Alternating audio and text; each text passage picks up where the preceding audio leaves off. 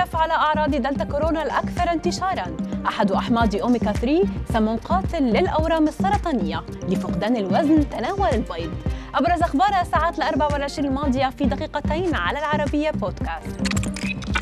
صنفت المراكز الأمريكية للسيطرة على الأمراض والوقاية منها. سلالة دلتا من كورونا بأنها مثيرة للقلق.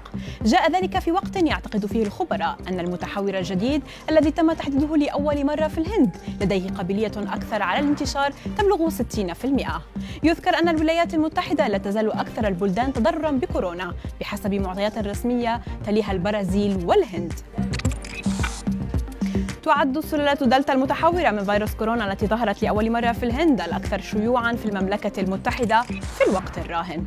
ويرتبط بها العديد من الأعراض الجانبية إضافة إلى الأعراض التقليدية التي ترافق الإصابة بسلالات كورونا السابقة. فقد كشف باحثون أن الصداع والتهاب الحلق وسيلان الأنف هي الآن الأعراض الأكثر شيوعا المرتبطة بعدوى السلالة دلتا. فالإصابة بالنسخة المتحورة دلتا تشبه نزلة برد شديدة.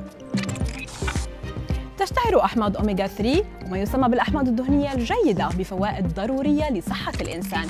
وبحسب ما توصل إليه الباحثون في جامعة لوفان البلجيكية تم اكتشاف أن حمض DHA وهو أحد أحماض أوميغا 3 الدهنية يسهم أيضا في انخفاض معدل الإصابة بالسرطان. وذلك من خلال آلية تسمح بقيامه بإبطاء تطور الأورام السرطانية. أكد خبراء التغذية أن البيض يمكن أن يكون من أفضل الأطعمة لفقدان الوزن لأنه يشعرك بالشبع بشكل كبير ولفترة طويلة تمنعك من تناول الوجبات الخفيفة. فالبيض غني بالبروتين وخال من الكربوهيدرات ما قد يساعد في تعزيز الشبع دون زيادة مستويات الأنسولين.